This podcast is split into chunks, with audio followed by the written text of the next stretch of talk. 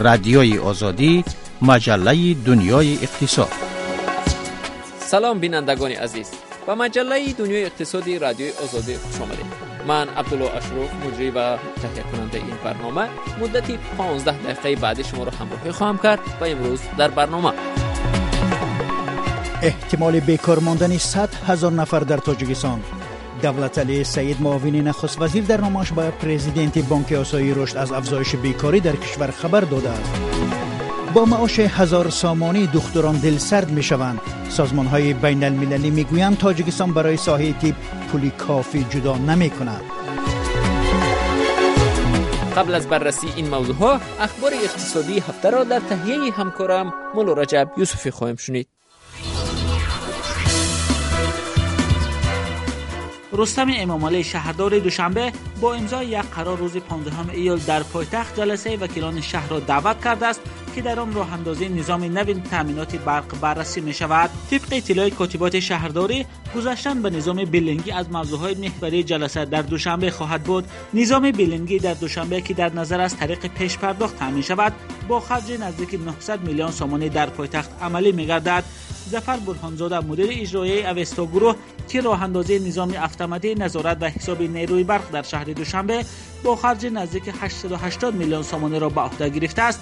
قبلا گفت نصب حساب کنک ها رایگان صورت خواهد گرفت. در دایره نظام بلنگی تهیه کرده شرکت اوستا گروه تنها در ناحیه سینا نصب 95 هزار دانه حساب کنک با خرج عمومی 340 میلیون سامانه در نظر است. در مجموع در دوشنبه نصب 250 هزار حساب کنک پیش بینی شده. ارزش عمومی لایه 880 میلیون سامانه ارزیابی شد. برای تطبیق نظام بلنگی که برق طریق پیش پرداخت ارائه می شود حکومت سازشنامه با کنسورسیوم سرمایه‌گذاری در هیئت کارخانه های اوستا گروه تاج گیدروالکترومنتاژ و تشکیلات قرضه خرد دوشنبه سیتی را امضا کرده.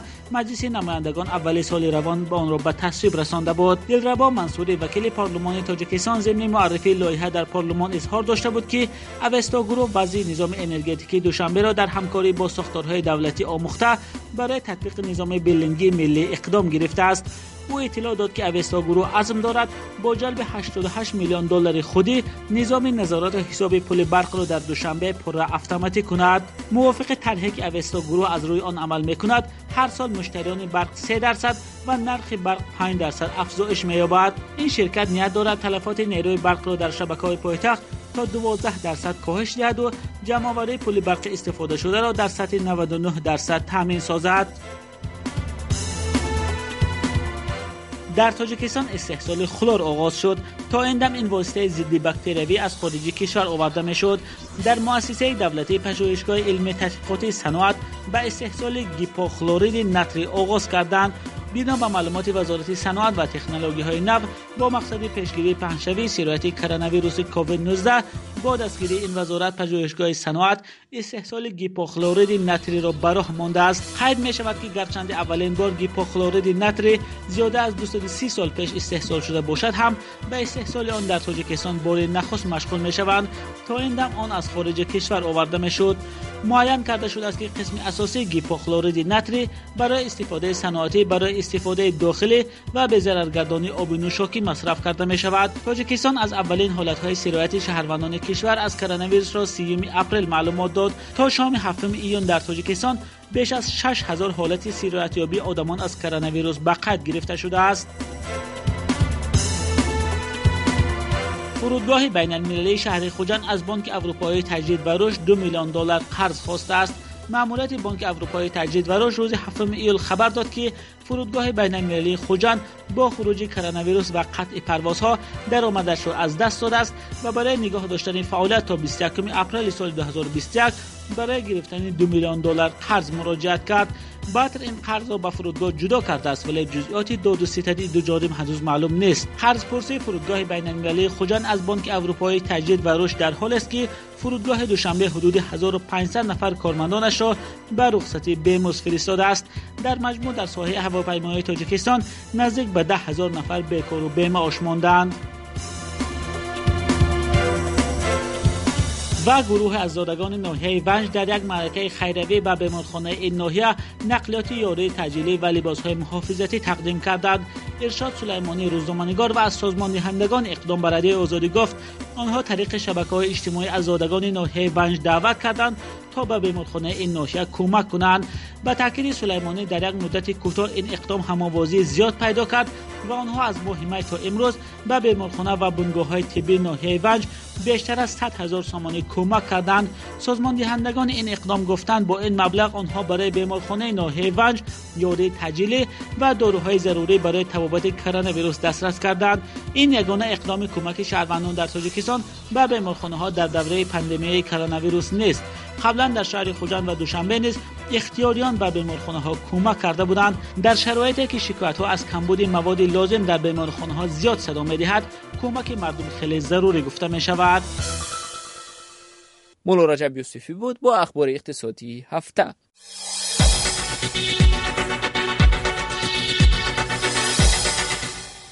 شما مجله دنیای اقتصادی رادیو آزادی را میشنوید و حالا شروع می‌کنیم به بررسی موضوع اصلی این برنامه.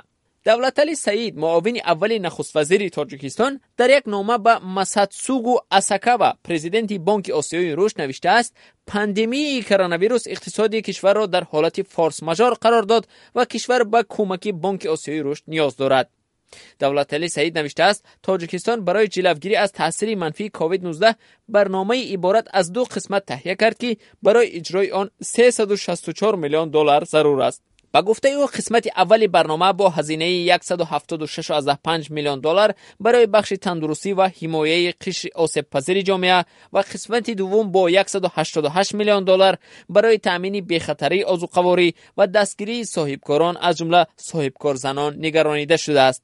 دولت علی سعید گفته است پندمی برای اقتصاد حالت اضطراری و یا فارس مجار را پیش آورد. ва кӯмаки бонки осиёи рушд ба тоҷикистон фавқулода муҳим аст чун кишвар ба камбуди молӣ рӯбарӯст дар ин нома дар бораи вазъи ҷумҳурӣ дар нимсоли ахир тафсилоте омадааст ки мақомот онро ба васоити ахбори оммаи дохил ва сокинони кишвар намегӯянд. Давлаталӣ саид навиштааст бинобар хуруҷи коронавирус интизор меравад мизони бекорӣ дар кишвар то поёни сол ба сад ҳазор нафар ва ё 61 дарсад боло равад و یا 6 از یک درصد بالا رود در حالی که تا شروع پندمی در ماه فوریه بیکاری در تاجیکستان در سطح دو درصد قرار داشت. همچنین به گفته او رشد اقتصاد تاجیکستان بنابر پیشبینی حکومت از 7 از ده 5 فایز که قبلا پیشبینی می‌شد تا به 2 از ده 4 درصد پایین می رود این نامه نقضی پیشبینی های حکومت در رشد اقتصاد را نیز برملا می کند در حالی که دولت علی سعید از رشد دو از ده چهار درصدی می گوید هفته گذشته فیضدین قهارزاده وزیر مالیه تاجیکستان در حضور وکیلان پارلمان ضمن بررسی تغییرات به قانون بودجه سال 2020 گفته بود. رشد اقتصادی تاجیکستان 4 از 7 درصد خواهد بود.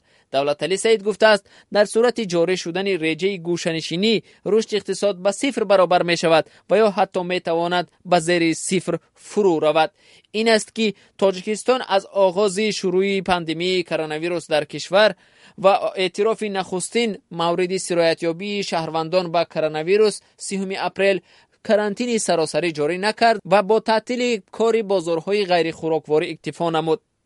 دولت علی سعید گفته است بنابر پاندمی کرونا ویروس اقتصاد ملی حدود 20 درصد مجموع محصولات داخلیش را از دست می бо он ки ҳукумати тоҷикистон барномаи зидди буҳрониашро 364 миллион доллар арзёбӣ мекунад бонки осиёи рушд ба тоҷикистон ҳамагӣ 50 миллион доллар грант ва ё кӯмаки билоиваз тақдим кард. Сандуқи байналмилалии пул 189 миллион доллар қарзи боимтиёз ва бонки ҷаҳонӣ 133 миллион доллар барои мубориза бо covid-19 ва пешгирии асари манфии он ба иқтисод ба тоҷикистон ҷудо карданд.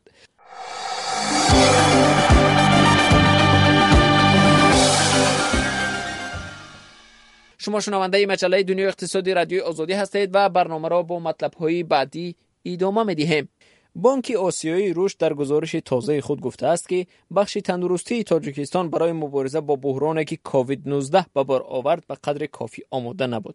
در گزارش بانک آسیایی رشد که در حاشیه برنامه واکنشی سره به کووید 19 و حمایه بخش خراجات بودجه دولت در پایان ماه ایونی سال 2020 نشر شده است گفته می شود بخش تندرستی تاجیکستان برای مبارزه با بحران فراگیر مثل کووید 19 آماده نبود. در تقویت این بانک با ردبندی بین المللی به خطری سلامتی اشاره می کند که در آن تاجیکستان در میان 195 کشور در مقام 130 قرار دارد. در گزارش آمده است که دولت تاجیکستان به ساحه تندرستی خیلی کم پول می ба арсаи тандурустӣ ҳамагӣ 7 дарсади хароҷоти умумии давлат ҷудо мешавад. Дар ҳоле ки ҳамсоя кишвари тоҷикистон қирғизистон барои соҳаи тандурустӣ 12 дарсади хароҷоти умумии буҷаро медиҳад.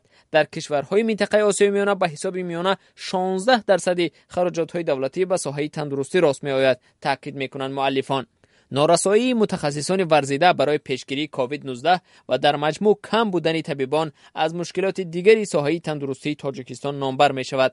Бинобар гуфтаи бонки осиёи рушд дар тоҷикистон бар сари даҳ ҳазор аҳолӣ наздик ба бисту як пизишк рост меояд. Аз ин нигоҳ тоҷикистон аз ҳама кишварҳои дигари минтақа поин будааст чун ба ҳисоби миёна дар дигар кишварҳои осиёи миёна ба ҳисоби миёна ба даҳ ҳазор нафар сиву чор табиб рост меояд. در گزارش های سازمان های بین المللی مثل این کارشناسان ضرورت اصلاحات در ساحه تندرستی تاجیکستان از جمله مسئله بیشتر پولکی کردن خدمات طبی را در میان می‌گذارند. در وزارت تندرستی تاجیکستان گفتند که با محتوای گزارش بانک آسیایی رشد آشنا نیستند اما با ایده آمده نبودن ساحه تندرستی برای مقابله با کووید 19 راضی نیستند.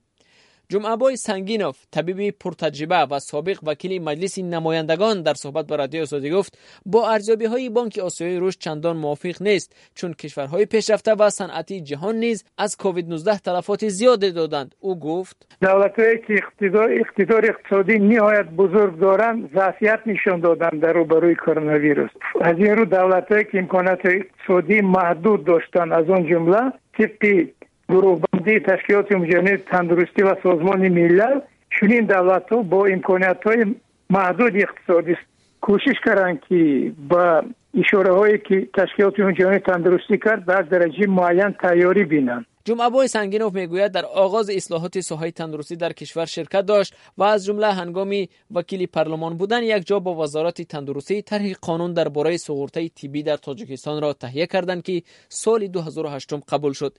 اجرای این طرح دو بار به تاخیر افتاد و قرار است از یکم ینوری سال 2022 مورد عمل قرار بگیرد. سنگینوف می‌گوید راه و روش تندرستی در تاجیکستان روشن و درست است. تنها امکانیت اقتصادی دولت محدود می باشد از این رو برنامه барномаи суғуртаи тиббӣ ҳанӯз иҷро ношуда боқӣ мемонад.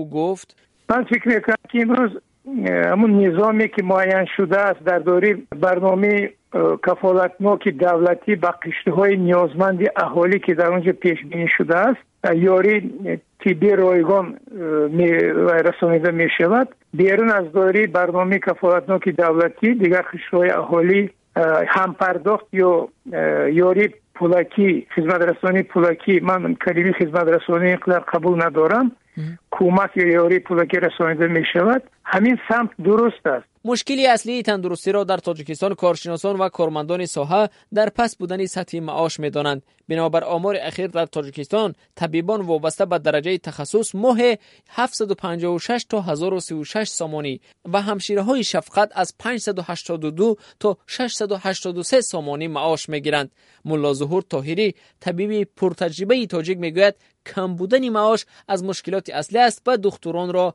دل سرد می کند او گفت مثلا دکتر اگر حساب میانازه در تاجیکستان هزار سومون گیرد هزار سومون یک بار بازار میرد خرید می‌کند همین خود تمام میشه برای این سیستم ساختار تغییر کرده کادرای نفت تغییر کردن نخواست ماهانه کمش 300 400 دلار کردن طاهری افزود بر علاوه دیگر اصلاحات در بخش تندرستی دولت باید ماهانه دکتران را بالا برد. کار یک وقت ما نامزدیم با دیپوتاتی هم بود حساب کرده بودم که باید که از روی درآمدهایی که در تاجیکستان هست باید حساب میانه مبلغ آدمای ما 300 400 دلار میشه. هر مبلغ که حساب می‌کنه که تقسیم می‌کنه معینش نمی‌دونم بنابر معلومات آمار در تاجیکستان 70 از ده 5 هزار کارمندان تیپ فعالیت می کنند در مجموع در قلمرو کشور 4200 دکتر و 2200 همشیره شفقت نمی رسند